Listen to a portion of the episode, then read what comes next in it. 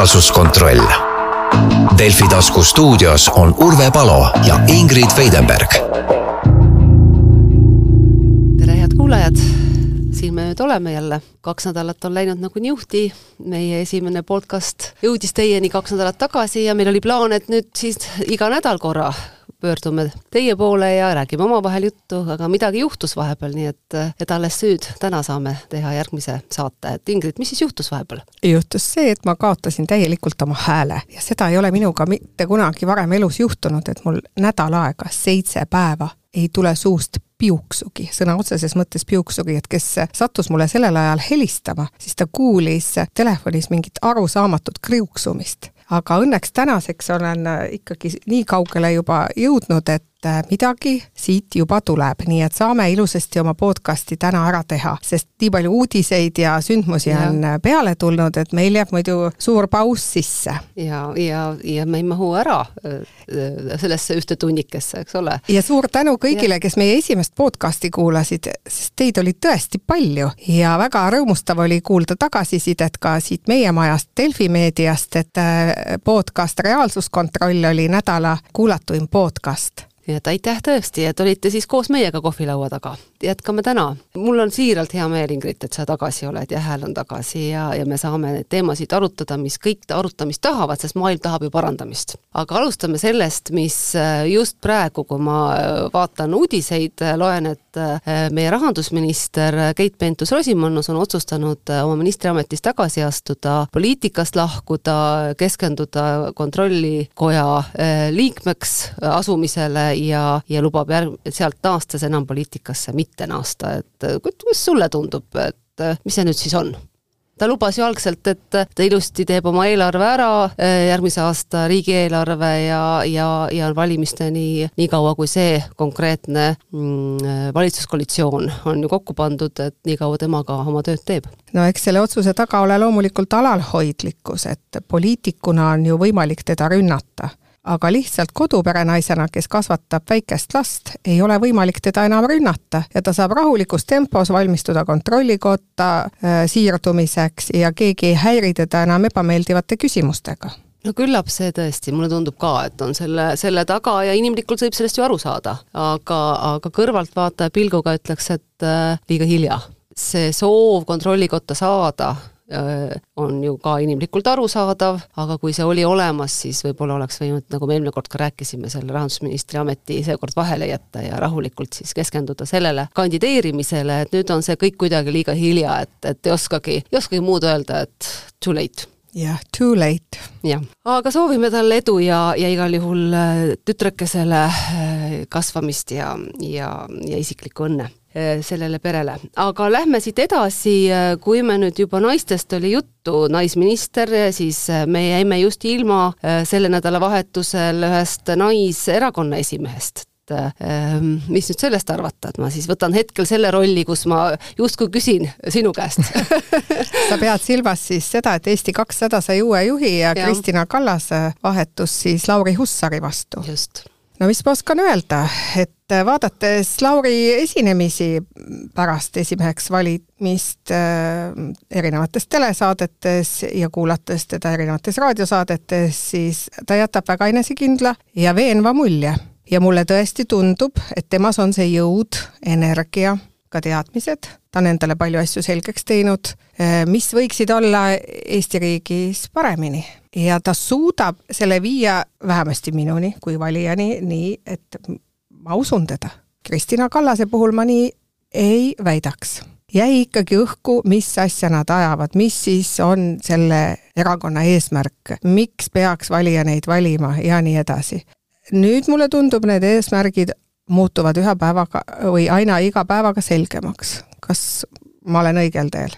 Äh, noh jah, kes see teab, mis see õige tee on, äh, kuidas mina näen, on, et ühest küljest äh, see, et Eesti kakssada esimees oli naisterahvas, see eristas neid, jah, ma tean, meil on üks erakond veel, kus on, aga siiski. nüüd Lauri Hussaril ei ole nii lihtne silma paista teiste erakondade taustal, sellepärast et selliseid tublisid meesterahvaid on ka teistes erakondades umbes samas vanuses ja, või natuke siia-sinna ees juhtimas, nii et, et ta peab olema rohkem silmapaistev juba selle tõttu. Eesti kahest laiemalt rääkides, siis ma olen sinuga nõus, et et äh, mis asja nad ajavad, äh, ei tea mina ka. Äh, Nad ise tõenäoliselt teavad ma vähemalt loodan, aga see ei tule kuidagi välja ja ma arvan, üks põhjus on ka selles, et Eesti kakssada on ju suures osas kujunenud sellisel moel, et sinna on koondunud palju inimesi erinevatest erakondadest, kes on varem olnud poliitikas aktiivsed vähemal või, või rohkemal moel ja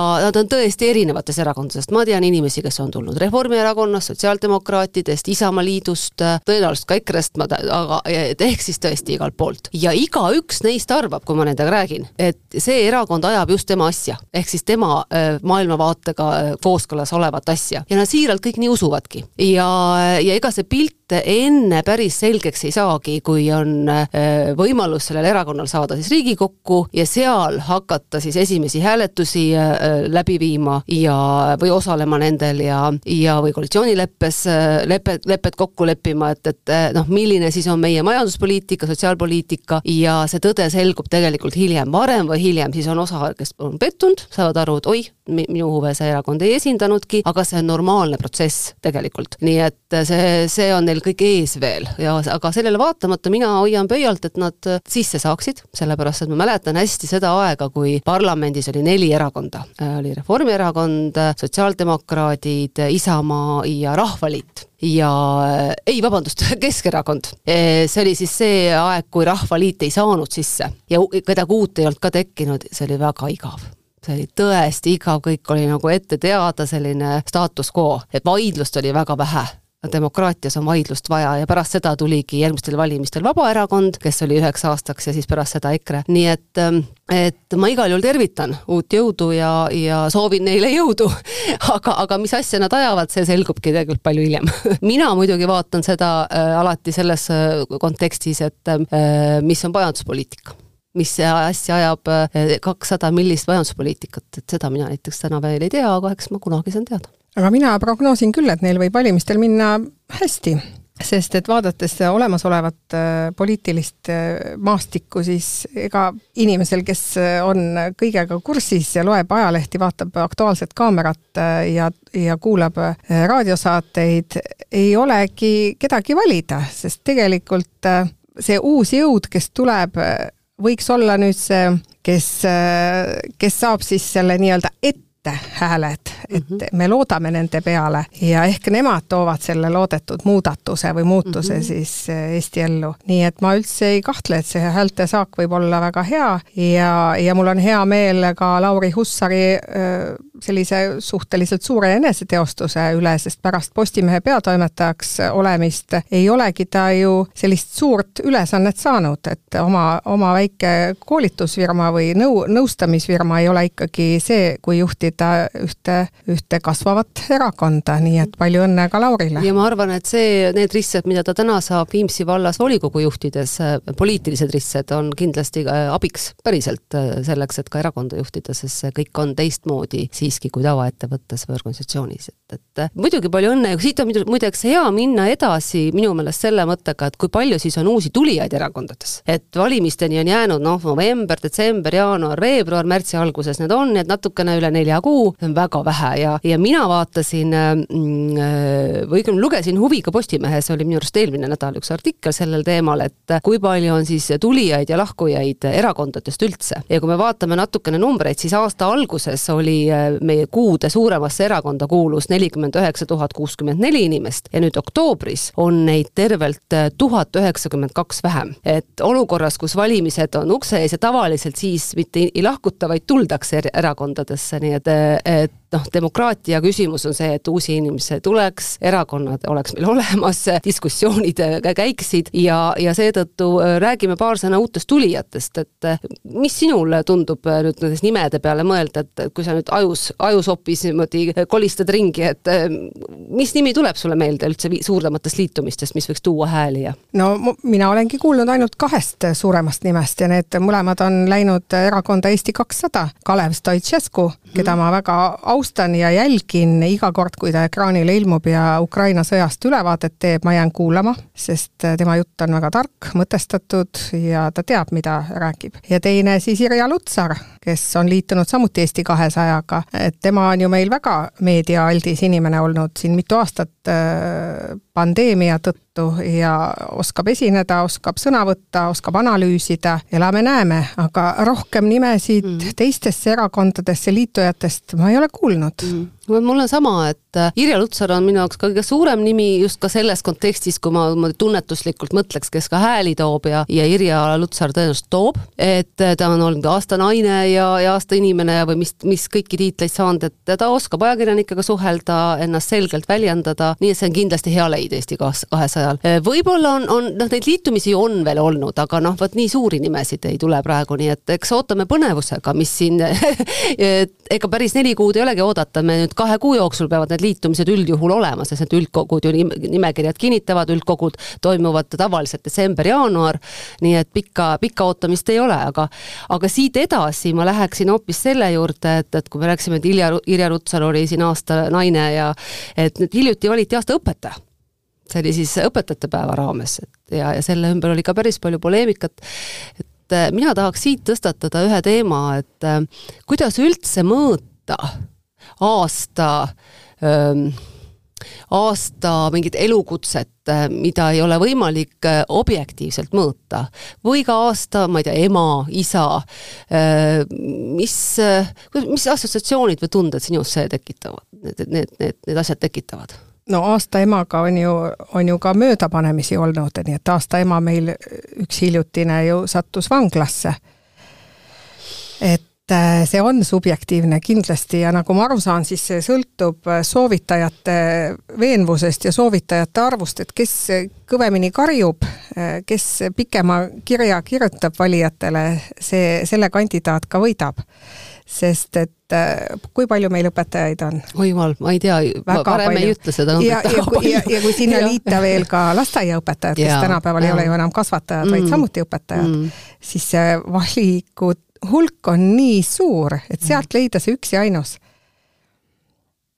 ma ei tea, aga mis sa, mis sa asemele pakud või kuidas see siis, kuidas see võiks olla, et ärme vali enam aasta õpetajat või? No vot, äh, arutame, see ongi selline diskussiooni koht, et ühest küljest ma saan aru, et äh, tunnustada on ju vaja ja ja, ja esile tuua, aga aga teisest küljest minu meelest sellist tunnustamist võiks teha ju iga kool äh, ise, kui me õpetajast räägime, aga või või maakond. või maa, no kooli kaupa on lihtsam, sellepärast et äh, näiteks ka organisatsioonis valitakse ju tihti suuremates organisatsioonides äh,, valitakse aasta mingi noh, aasta aasta selline töötaja. ja sellel on äh, objektiivsed kriteeriumid üldjuhul, mida siis need kõik need töö, kaastöötajad peavad äh, kirjutama, et ja sellest tuleb siis selline üldine, isegi kui nad on subjektiivsed, aga kui noh, neid vastajaid on, on palju, siis sellest ikkagi mingi selline objektiivne tõde tuleb välja. ja, ja aga, aga just nende, on see aasta ema, isa, õpetaja või, või mingi muu, äh, seal on tihtilugu, nagu sa ütlesid, et kes lihtsalt satub selle inimese ümbruses selle kirja kirjutama, keegi tubli inimene ja neid kirjutajaid on pigem vähe, vähe kui palju, rohkem.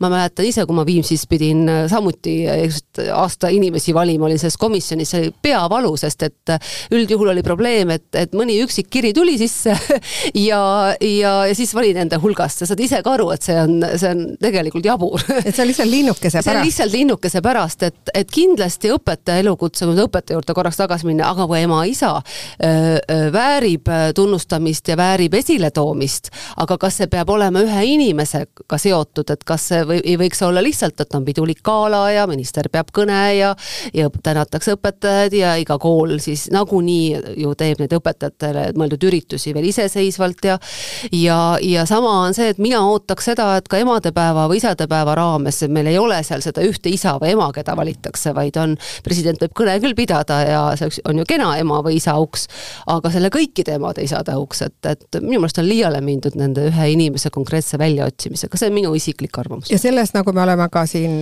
näinud, võib sügavalt eksida, et, et auhinna saab inimene, kes hiljem satub äh, hoopis teise valgusesse.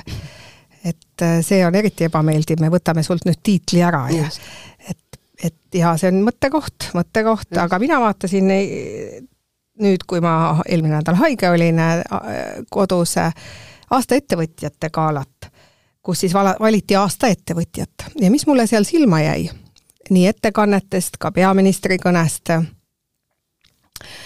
Äh, me täname kõiki neid äh, ettevõtteid, kes on uuenduslikud, kes on äh, startup induses tegijad, kes on innovaatilised, kes arendavad edasi meie tõukerataste teemat, ka üks ettekandja saabus, ettevõtja mm, saabus lavale tõukerattal Äh, Kristjan Maruste oli tema nimi ja ta esines väga, väga hea ettekandega, mulle väga meeldis see, kuidas ta oli selle ette valmistanud.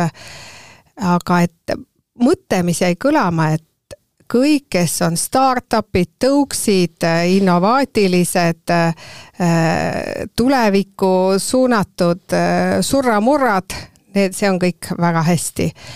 ja, ja aga need kes tegelikult on maasool ja kelle najal püsib kogu Eesti majandus päriselt, need vaadaku ise siis, kuidas hakkama saavad, et iga päev toob meile uusi uudiseid, repovabrikud sulgevad oma uksed.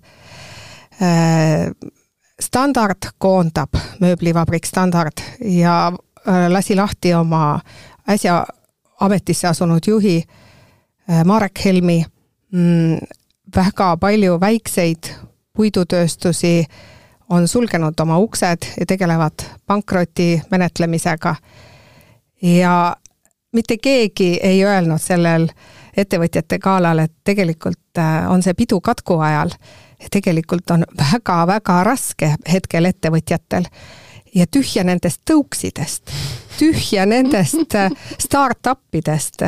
et minule isiklikult käivad need tõuksid närvidele, et ma ei tea ühtegi inimest, kellel ei oleks need tõuksid tänavatel haiget teinud või otsa sõitnud või mingisugust jama korraldanud.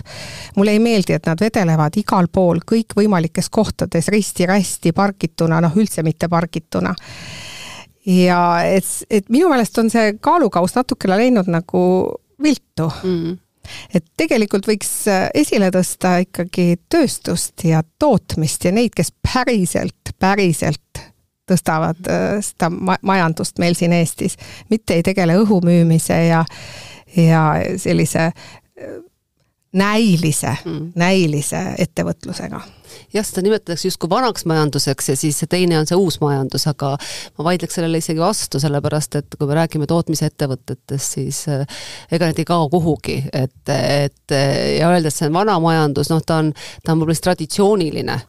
ja, ja las siis need startup'id ja uus majandus areneb, kui ta tahab, tahab, noh, selles mõttes tore, las ta areneb, see, meil ei ole ju selle vastu midagi. aga eh, see kaalukauss ei saa liikuda täpselt see pendel ühest äärest teise, et, et et väärtustada tuleb mõlemaid ja, ja tõsi on see, et eks ma isegi olen rohkem, kui ma ministrina töötasin, siis ma olles ise ka tootmisettevõtetega seotud olnud, töötanud seal ja sa noh, tean, kuidas ja kui raske see elu on, et Äh, pöörasin rohkem tähelepanu neile, et, et aidata neil siis kasvada, tegin neid igasuguseid mm, noh, tootearendusprogramme ja, ja, ja et, et noh, rohkem masinaid, seadmeid soetatakse, kõik see pool, mis ma tahan öelda sellega, aga ma mäletan, et et tollane erakonna esimees äh, oli nagu noh, suhteliselt häiritud, et minu Facebooki lehel ei olnud eriti pilte äh, startup idega ja, ja siis ma ütlesingi, et oot-oot-oot, et, et noh, minu fookus tõepoolest on tegelikult tegelikult toot-, äh, nagu nii-öelda traditsioonilise tööstuse toetamises ma näen, et siit tuleb järgi aidata, et, et et startup'id toimetavad niikuinii ja kasvavad ise. et Äh, ja ütlesin, kas sa oled vist vale valiku teinud, et, et noh, ma ei hakka kunagi fa-faga tegelema, et, et ja siis me leppisime kokku, et hea küll, et kuus korra üks pilt fa-faga ka, aga ülejäänud aja saan tegeleda siis ma ise oluliseks pean.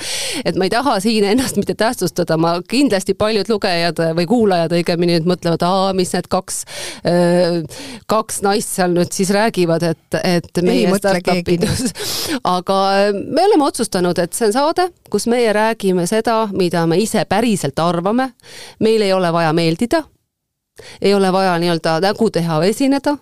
Ja, ja ma ütlen siiralt, et Eestis tõesti on juba pikalt see noh, tegelikult probleem, et räägitakse väga palju ja see on ka ajakirjanduses ja igal pool push itakse üles just seda kogu seda startup indust. veel kord, ma ei ole selle vastu, mul on hea meel, et noored saavad, leiavad seal põnevaid väljakutseid ja tekib meil seal ükssarvikuid ja nii edasi. aga selle varjus see või selle varju ei tohi jääda see traditsiooniline tööstus, kus mis annab palju töökohti, mis, mis on hädavajalik üldse majanduse jaoks, et meil oleks eksportida mida ja, ja et nii-öelda see, see majandust hoida töös, et, et mm, mõlemad on olulised, aga jah, et meil, me lähme liiga ühte äärmusesse ja, ja, ja meie, meie poliitikute hulgas näeme ka sellist liigset üli-, ülistamist ma olen nõus ja no siin on tekitanud ja. Eh, e-, elavat vastukaja just majandusminister Riina Sikkuti eh, selline ülimalt eh, noh, kuidas ma seda viisakalt ütlen, nagu lapsemeelne või, või ülimalt naerusuine, ülimalt eksalteeritud esinemine meedias, et kus ta nagu väga-väga naerusuiselt selgitab, et aga aga asjad on ju nii ja asjad ongi hästi ja, ja, ja, ja lähevad aina paremaks ja, ja kogu aeg ongi olnud hästi ja et kas ta ei saa päriselt aru, mis, mis päriselt majanduses toimub või talle on kästud teha sellist naerusuist lapsenägu, äh, kui me vaatame kas või kuidas ta kommenteeris LNG terminali äh, ka seotud prohmakat, kuidas äh, laev läheb siiski Soome ja ei saabu mitte kunagi Eestisse, nii nagu see plaanitud seni oli. ja seda nii, nii kuidagi naiivselt ja, ja niimoodi, ma ei oska öelda, nagu laps kommipoes selgitas ta Rahvusringhäälingu ajakirjanikule, et aga mitte midagi hullu sellest ju ei juhtu ja, ja kõik läheb aina paremaks ja et no, no ei, ei ole veenev, noh, no ei usu, mitte ühtegi sõna ei usu, Riina, anna andeks ja viimasel ajal on tõesti niiviisi, et enam ei teagi, mm, et sõnumid on nii vastukäivad, et kui alustada sellest LNG loost ja siis ma tahan veel, veel astuda sammu tagasi ühe teise looni ka, et äh, tõesti, ühest küljest majandusminister ja taristuminister ütleb, et ei ole hullu midagi, vahet pole, kus kohas meil see laev on. okei okay ja siis me loeme teisi arvamusi ka, kas või jälle eil, see oli vist nüüd tänases või oli see ka, ei, see oli eilses äh, Postimehes, kus äh, Taavi Veskimägi annab seal intervjuu ja ütleb väga selgelt, et Läänemere piirkonnas on tootmisvaru talvise tarbimisega võrreldes väga napp ja ja, ja kui on mingidki kas seisakud või, või tõrked või ka näiteks keegi saboteerib seda gaasitoru sealhulgas, siis me peame arvestama sellega, et et meil lihtsalt kõigile elektrit ei jagu ja kahe tunni kaupa antakse ühtedele ja teistele elektrit, et mis ma tahan sellega öelda, on, et et, et see jutt, et äh, pole vahet, kus laev on, äh, kehtib ainult äh, ideaaltingimuste korral, siis ei ole tõesti, aga kui on mingidki tõrked, sealhulgas võimalus seda toru saboteerida, siis ju on väga suur vahe või, või kui tõesti peaks tekkima olukord, kus gaasi ei jätku, me ei tea, milline talv tuleb, me ei tea, kuidas täpselt ähm, ja millised tõrked võivad tekkida, siis noh, mina võin ikka päris sellist kerget mürki võtta, et kui soomlastel on otsustada, et kellele nad gaasi annavad, kas oma tarbijatele või Eestile, siis nad annavad oma tarbijatele, sellepärast me nägime, kuidas oli soomlaste vendlus või õelus, kui koroonakriis oli ja, ja pandi piir kinni isegi minu arust töörände puhul mõningaks ajaks, inimesed ei saanud oma lähedaste juurde ja nii edasi, kedagi ei huvitanud, et või kuidas oli äh, koroona ajal äh, see jällegi solidaarsus Euroopas, kui äh, üle piiri ei lastud Poolas veokeid ja nii edasi, et selge on see, et iga valitsus va-, toetab ja, ja hoiab esmapilgul, esmajoones oma inimesi. ma tahaks lihtsalt kuulda meie poliitikutelt sellist ausamat juttu, ei ole vaja ajada kärbseid, vaid öeldagi, et jah, need ohud on, kahju jah, et nii läks, ja, ja ma tahaks tunda rohkem, et Äh, ka meie poliitikud hoolivad meist, oma inimestest, eelkõige. et, äh, et seda tunnet äh, väga ei ole, sellest on kahju ja eks selle tõttu ei ole ka midagi imestada, kui me vaatame viimaseid reitinguid, kuidas siis seal üks erakond, kes täna opositsioonis on, kõvasti tõuseb ja siis ei ole midagi nagu, see ei ole ju öö, põhjus, see on ju tagajärg. et, et või teine segane sõnum tulen, see mind väga painab, et tulen veel selle juurde, et meie peaminister mõni aeg tagasi esines erakorraliselt äh, televisioonis, kus ta ähm, justkui ütles, et tegelikult mul ei ole teile midagi öelda, aga ma tahtsin ikka öelda äh,. ja üldiselt ütlen, et kõik on hästi, ärge muretsege. noh, lühidalt kokkuvõttes selline esinemine. ja siis no okei okay,, ma ei muretse, väga tore, see mulle meeldib, kui raha rahu-, inimesi ei aeta närvi, vaid rahustatakse. ja siis mulle tuleb kahe nädala pärast, võib-olla isegi vähem, Päästeametilt tuleb selline buklett koju.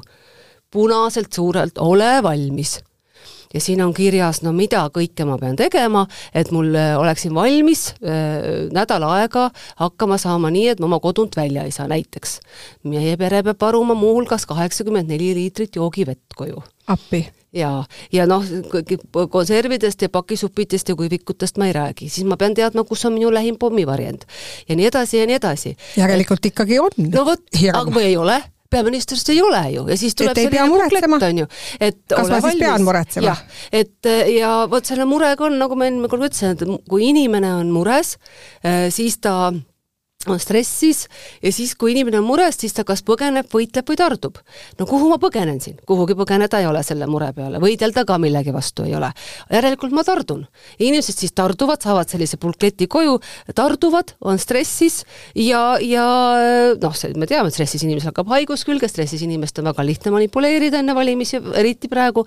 nii et äh, ma ei tea, kellele seda bukletti vaja oli, et äh, noh, selliseid toiduhunnikuid ma küll koju varuma muidugi ei hakka, sellepärast et ma pean neid ju kogu uuendama, aga ma ei söö kuivikuid ja pakisuppe konserve kodus, on ju, et, et ja kaheksakümmend neli liitrit vett läheb samuti vanaks. no, no läheb ka vanaks, et, et noh, mul jääb selline mulje, et tegime nüüd bukleti mm -hmm.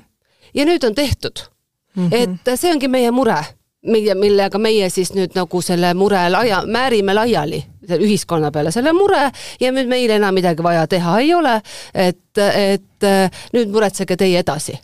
aga noh, nii see ei peaks käima just. ja tulles tagasi veel Taavi Veskimägi intervjuu juurde Postimehes, siis ta ju väidab seal ju otsesõnu, et äh, Eesti peab olema valmis sel talvel elektrikatkestusteks. nii et äh, ja, ja nii, nagu me ka eelmises saates rääkisime, siis teada on ju, et Putin sel talvel mingi asja meile korraldab et neid juhtmeid on väga lihtne ja torusid seal äh, ookeani põhjas, merepõhjas äh, läbi lõigata ja küllap ta seda sel talvel ka ette plaanib võtta, et no, selles lood, ärme kurja kutsu, aga, aga öelda, et tasu... pole vahet, kus laev on. ja no, ei tasu no. olla ka naiivne. Selline naiivne naerusuine nagu laps ja. kommipoes, et nii tore on kõik ja küll me hakkama saame ja teie maksate ju tarbijad selle kõik kinni. ütleme, et kõik on nagu hästi, ärge muretsege, mingit muret ei ole, siis saadame vaikselt, see on nagu selline äh, vaikselt jala, jala, lau alt panen ikka jalaga ja siis saadan bukleti, et vot, et nüüd olen ma ikkagi kõik teinud nüüd ei ole enam, noh, mina ei ole enam süüdi. hakake varuma nüüd. hakake varuma, aga üldiselt on kõik hästi. Aga mis siis saab, kui on nii, et, et, et käivitubki see must stsenaarium ja see jõhkard sealt äh, Venemaalt teebki nii, et oleme külmas ja pimedas. Siis mind see, see joogivesi ka äh, ei aita. ja selge on see, et seda, seda sellist noh, varumist üleüldist ei toimu tegelikult, et see üksikutel peredel, kes seda siis on, see peab olema ka riigi poolt korraldatud riik peab mõtlema selle peale, et, et kuidas, kui on selline olukord, mida me siis teeme. see peab olema keskselt lahendatud, et et noh, muidugi natukene mingit varu igalühel kodus noh, elementaarne, aga ma, ma mõtlen seda bukletti lugedes, noh siis ausalt öeldes no, vabandust, aga minul jääb mulje, et me tegime bukleti ja nüüd on kõik hästi ja mina ei ole sellega nõus, et ei ole hästi, palun äh, armsad äh, inimesed, keda me oleme valinud sinna ja usaldanud, palun siis ikkagi äh, ärge arvake, et te bukletiga olukorra lahendasite. mis meile sel nädal veel tõi uudiseid? No võiks rääkida natukene sellest eestikeelsele haridusele minekust, Ingrid, mis sa arvad, et see on küll teema, mis on tükk aega olnud noh, andnud kõneainet, olnud õhus, aga lihtsalt eelmisel nädalal võeti see siis minu teada vastu. et, et on siis selline plaan, et aastaks kaks tuhat kolmkümmend, ehk siis me räägime siin seitsme kuni kaheksa aasta pärast, lõpeb üleminek eestikeelsele haridusele, ehk siis Eestis ei saa enam muukeelset haridust, vähemalt riigisüsteemis, ei lasteaias ega koolis, kui ainult eesti keeles Ehm, no kuidas, kuidas siis tundub sulle see põhimõtteliselt? no Eesti on vaba juba kolmkümmend aastat, et äh, kus me seni olime, et äh, miks -hmm. seda juba ei ole siis kolmkümmend aastat ellu viidud? no vot jah, mulle tundub ka, et see on nagu selline, mul on hea meel nüüd öelda, et meil on selline valitsus, nagu meil on hetkel et äh, kui ma eelmine kord ütlesin, mul oli hea meel, et see valitsus, kes oli koroona äh, algusajal, oli selline, nagu ta oli, et ei, ei apteekrit ei mängitud ja, ja kiiresti reageeriti ja ettevõtjaid muuhulgas aidati, et see oli tõesti noh, suur õnn aga siis täna ma ütlen, et on hea, et nüüd eestikeelse haridusele minnes on see valitsus nagu on, sest et tõenäoliselt teistsuguse valitsusega seda ei tehtaks ja, ja on ka viimane aeg ära teha, et, et kui me vaatame Reformierakonda ja eelkõige ja Isamaaliitu, kes on ju suures osas kolmekümne aasta jooksul äh, võimul olnud, muuhulgas Isamaaliidu äh, traditsiooniliselt on haridusministri koht Isamaaliidu käes, kui ta võimul on, see on nagu huvitav, et see niimoodi on olnud. siis äh, no minu silmis nad praegu lahendavad justkui seda karmavõlga et teevad veel selle ära ja ma loodan, seda nagu ei saa enam tagasi keerata. jah, siin on palju küsimusi, et, et kuidas me päriselt nüüd venekeelsed lasteaiad ja venekeelsed koolid eh, suudame niiviisi mehitada seitsme äh, aastaga? varem, seitsme aasta pärast on juba kõik, see peab nagu väga kiiresti käima, aga põhimõtteliselt jah, seitsme aasta jooksul on siis kõik äh, ammugi tehtud. et, et on ainult eesti keeles kõik, et see väljakutse on äh, tohutu no,, tohutu. ja, ja mida ma näen siin ja millest ma ei ole kuulnud, et räägitakse, on see, et, et ma mäletan juba kümme pluss aastat tagasi näitasid uuringud, et üks kolmandik venekeelsest elanikkonnast oleks valmis oma lapse panema eestikeelsesse kooli aga nad tahtsid kahte tingimust, et oleks algselt abiõpetaja selles klassis, kui noh, laps vajab all-, kui ta oma ise ei oska aidata, kui ta on tõesti noh, nii-öelda umb, umbkeelne eesti, eesti keele mõistes, ja, ja teine, et see laps saaks siis oma emakeelt fakultatiivselt õppida, et ta ei pea koos eesti lastega vene keelt õppima. ja minu teada see teine, et, et saab fakultatiivselt vene keelt õppida, on täitsa täna juba paljudes kohtades pakutakse, aga vot neid abiõpetajaid ei ole siiamaani. ja noh, ma vaatan ise Viimsis oma lapse klassis, et, et kolmandik juba on eesti keel, venekeelseid lapsi ja kolmas klass, raske on õpetajal olnud, sest abiõpetajat ei ole. ja, ja jällegi kool ei ole selles süüdi, isegi mitte omavalitsus, sest äh, koolile ju raha antakse abiõpetajateks, aga nad üldjuhul võetakse siis erivajadusega laste jaoks, pannakse natuke palka juurde kellelegi kuskile, et motiveerida, ma ei tea, matemaatikaõpetajat tulema või nii edasi. et, et kool, äh, kui tema peab otsustama, siis ta pigem nagu vene venekeelsete laste toeks seda õpetajat ei raiska nii-öelda. ja et see peab olema ka riigi poolt suunatud ressurss, mis läheb ainult selle jaoks, sest nüüd juba täna venekeelsed lapsed ju lähevad eestikeelsesse kooli, panevad eh, noh, selle õpetaja väga raskesse olukorda, lastel endal on ka raske, aga see ju tõenäoliselt nüüd kasvab see surve, sest et kui mul on lapsevanemana valida, et kas ma panen lapse siis eestikeelsesse kooli juba, mis on, on tõenäoliselt hea haridustasemega, võrreldes venekeelse kooliga, kus hakkavad õpp-, noh, venekeelne inimene, kes emakeelena räägib muud keelt, peab hakkama ainult eesti keeles rääkima, see on nagu, seal saab palju segadust, et ma parem panen ta siis juba eestikeelsesse kooli, et ühesõnaga selle peale noh, ma tahaks näha, et mõeldakse ka nüüd ometi, kui võrreldes selle ajaga, et, et, et ma mäletan, kui ma siin üks lause veel juurde, see oli siis kümme pluss aastat tagasi tollasele haridusministrile, rahvastikuministrina kutsusin ta lõunale ja ütlesin, et tead, et teeme ära, et need abiõpetajad, et siis me saame niimoodi positiivse äh, sellise noh, mõjutamisega neid järk-järgult vähendada venekeelsete laste arvu vene koolides ja tuleb eesti koolidesse juurde, et teeme ära, et leiame need vahendid abiõpetajateks. ja tol korral haridusminister ütles, et aga mida eestlased sellest arvavad, kui rohkem venelasi tuleb koolidesse. ja ma mäletan hästi, ma ütlesin, aga mida nad arvavad sellest, kui kümne aasta pärast pluss pole midagi muutunud. ja, ja noh, siin me täna oleme, nii et ühesõnaga palju õnne, Reformierakond, Isamaa, teie karmavõlg tahab täitmist ja, ja nüüd noh, taganemisteed ei ole, tehke ära, aga, aga palun pöörake tähelepanu eestikeelsele koolile ka. Siit me jõuame sujuvalt ka kohalike valimisteni, kus ka mittekodanikud saavad valida, et see on ju tegelikult sama teema, et kas halli passi inimesed peaksid saama valida kohalikel valimistel ja, ja ka no ela-, pikaajalise elamisloaga. ja pikaajalise elamisloaga samamoodi, et kas me tahame, et, et üha uus li- ja uus linnavalitsus koosneb ainult venekeelsetest abilinnapeadest, rääkimata linnapeast, et Eesti riigi kõige tähtsamal linnal, pealinnal Tallinn võiks olla siiski ju eestikeelne, eestimeelne linnavalitsus jah, no vot, linnavalitsuse ametnikud äh, seaduse järgi peavad olema kodanikud, aga jah, siin on see nõks, millest sa tõenäoliselt räägid, et et need valijad, kui need on kohalikel valimistel, on palju äh, noh, mitte, mitte kodanikke valib, siis äh, sealt tulevad siis ka sellised valikud. Et ähm, jah, tänane põhiseadus justkui ei luba seda, et, et, et omal ajal, kui Eesti riik siis kolmkümmend pluss aastat tagasi nüüd taasiseseisvus, siis tehti selline kokkulepe, et et alalise elamisloaga ja halli passiga elanikud saavad kohalikel valimistel osaleda, just nagu valida, tähendab.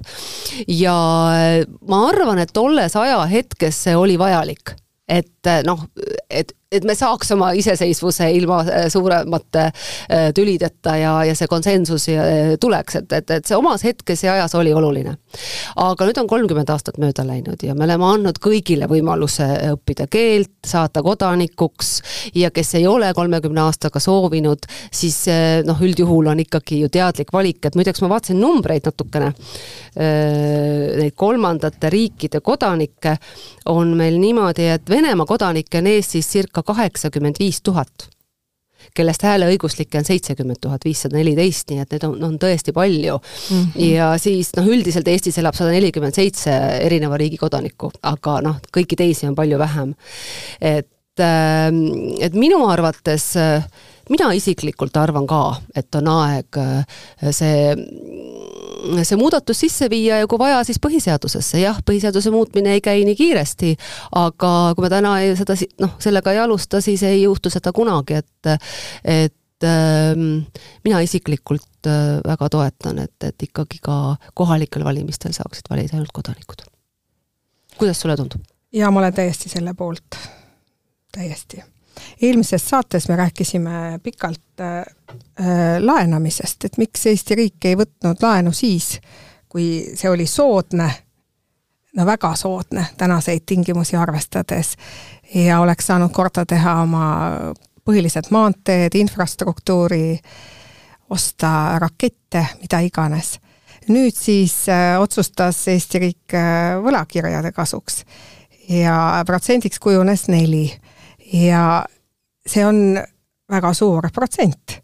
vaadates tagasi nendele aegadele, mil, mil see protsent oli olematu mm., siis öeldi, et oi ei, meie tuleviku arvelt ei ela.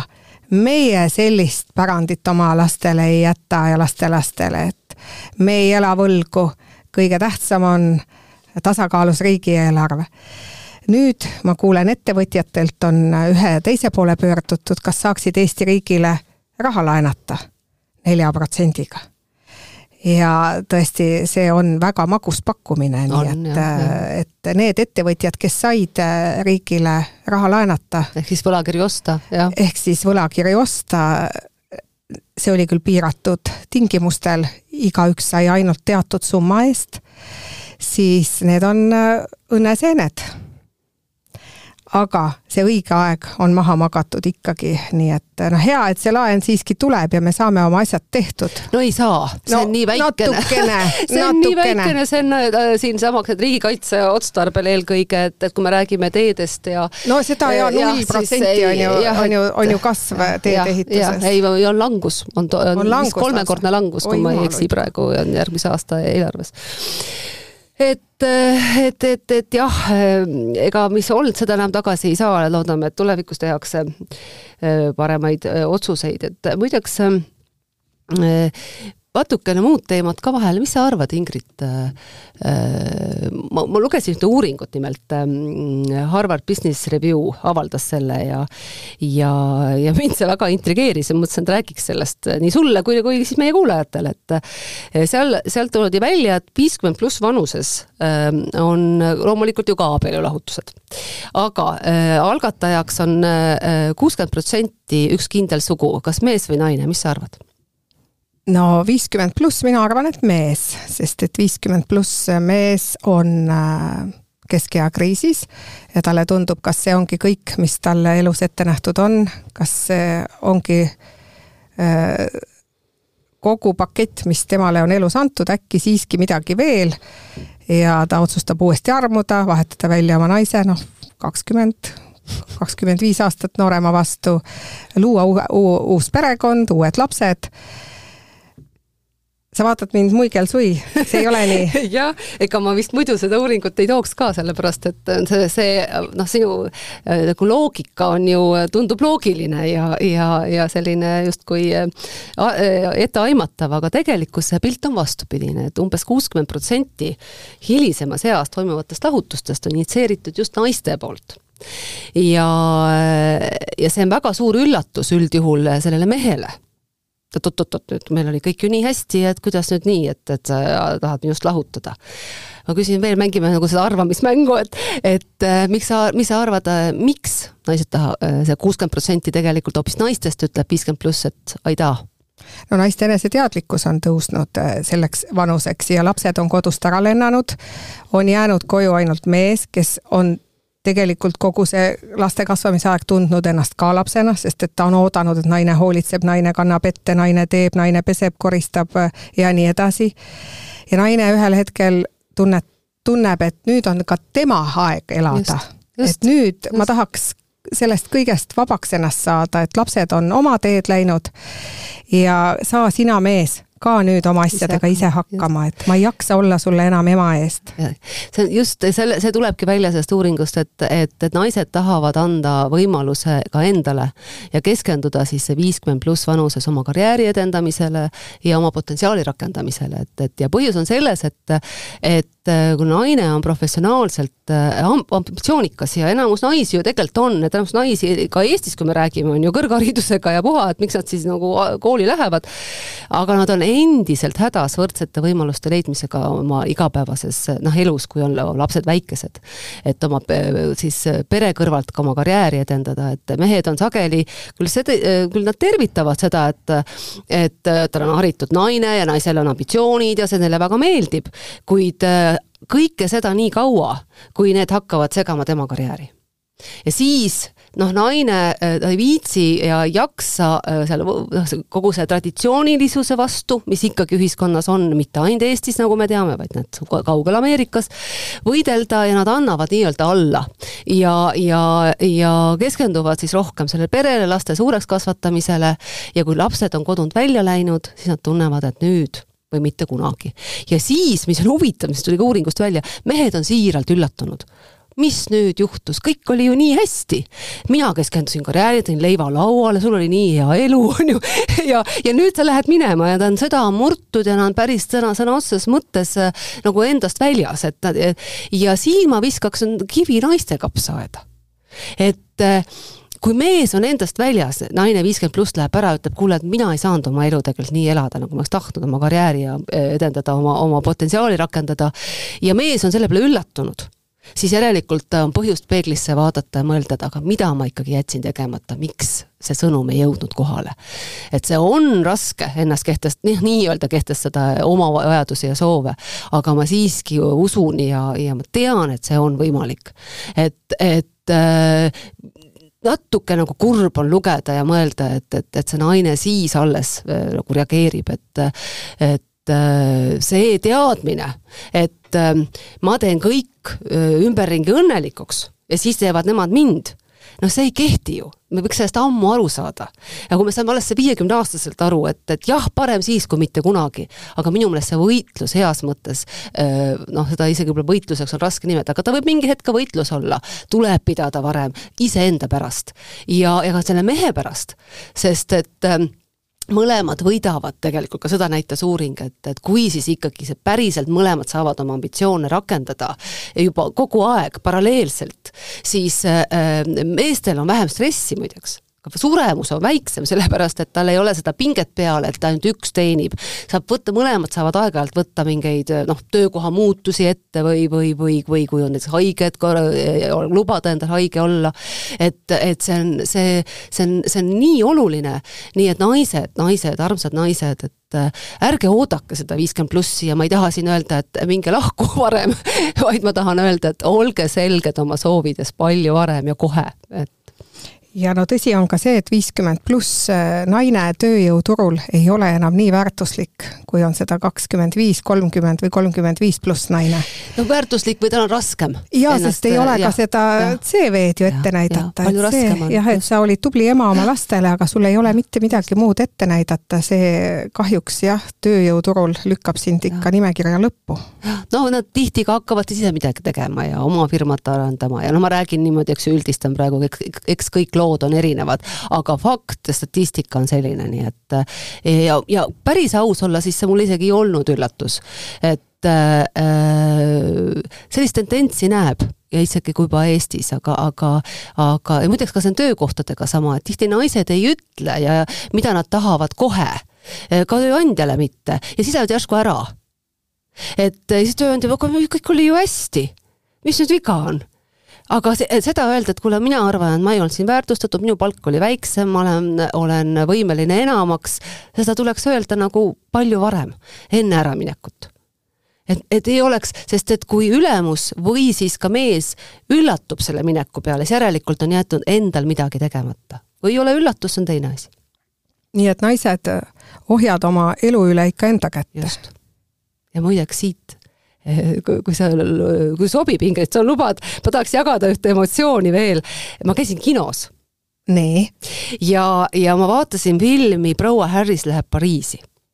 ei ole käinud seda vaatamas mm. -hmm soovitan soojalt ja, ja noh, muidugi tore oleks ju ka minna elukaaslase mehe või, või boyfriend'iga, aga tuhka sellest, ega kõike ei pea tegema koos, kaugel sellest, et, et see on naiste film. see on tegelikult naiste film ja, ja mina käisin ka sõbrannaga ja, ja ma ütlen, et äh, üle hulga aja midagi väga kihvti ja sellist äh, hea, ta annab sellise hea tunde, meeleolu, aga ka sellist süstib mõnes mõttes sellist sama enesekindlust selles, et minu elu on minu kätes.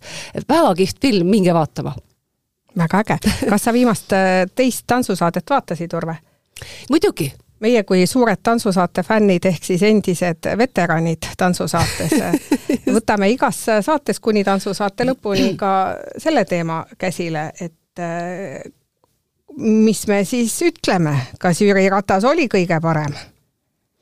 aga ta ei saanud kõige rohkem punkte? sai, no ta oli lõppkokkuvõttes kahe saate peale oli ta võitja. oli jah? ma seda lõppu ei näinud, ma läksin last magama panema, aga, aga ma nägin tantsusid küll ma endiselt loodan, ma päriselt loodan, et Jüri Ratase enda pärast, et, et noh, ma arvan, et temal võiks ju veel olla ka asja sinna poliitikasse, et, et ta äh, ikka tantsuhäält ei võida. Sest et, et äh,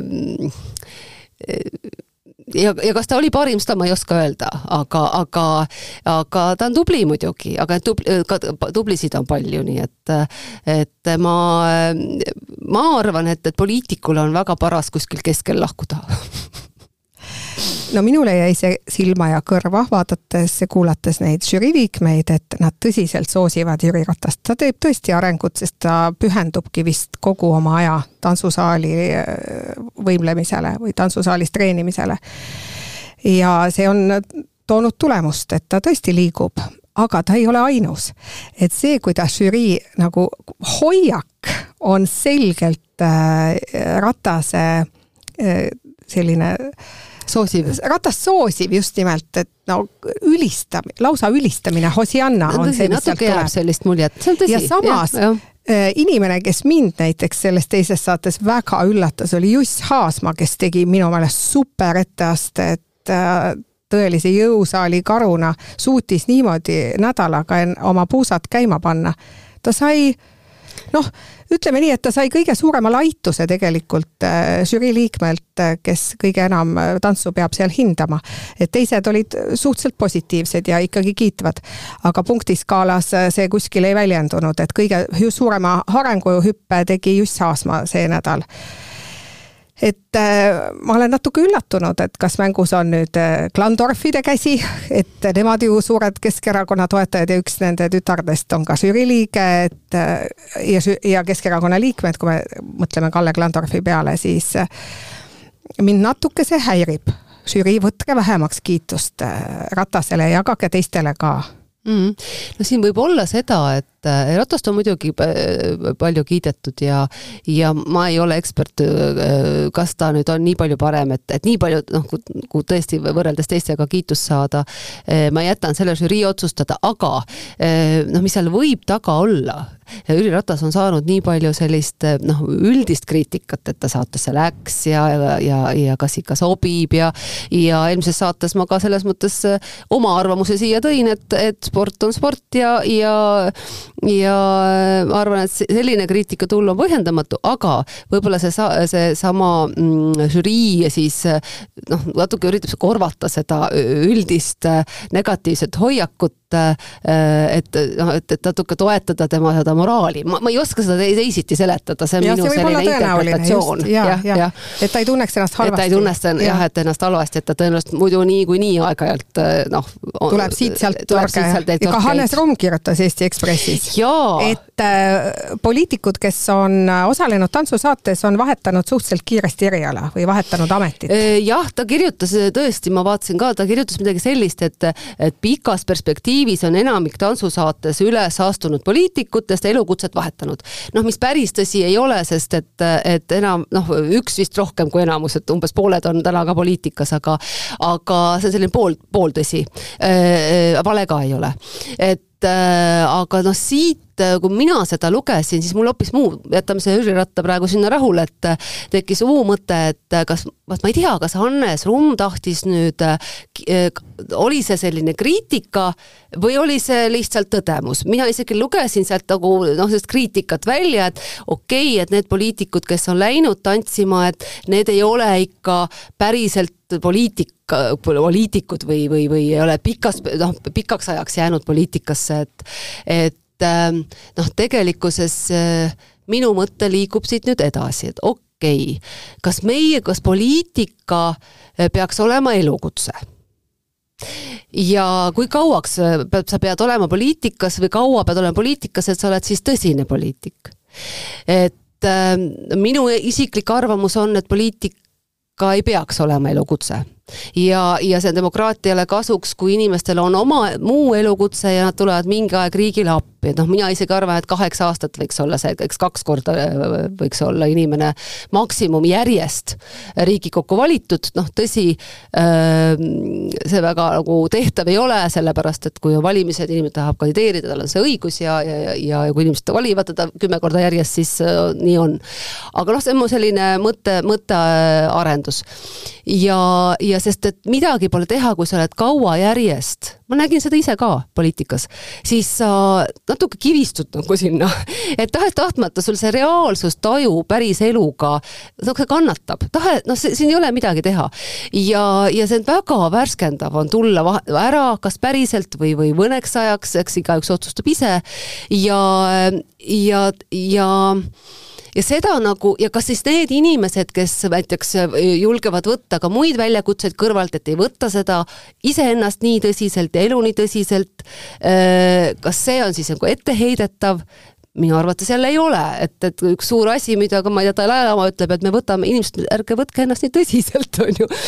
nii et äh, noh, siit saaks nagu pikalt filosofeerida, et.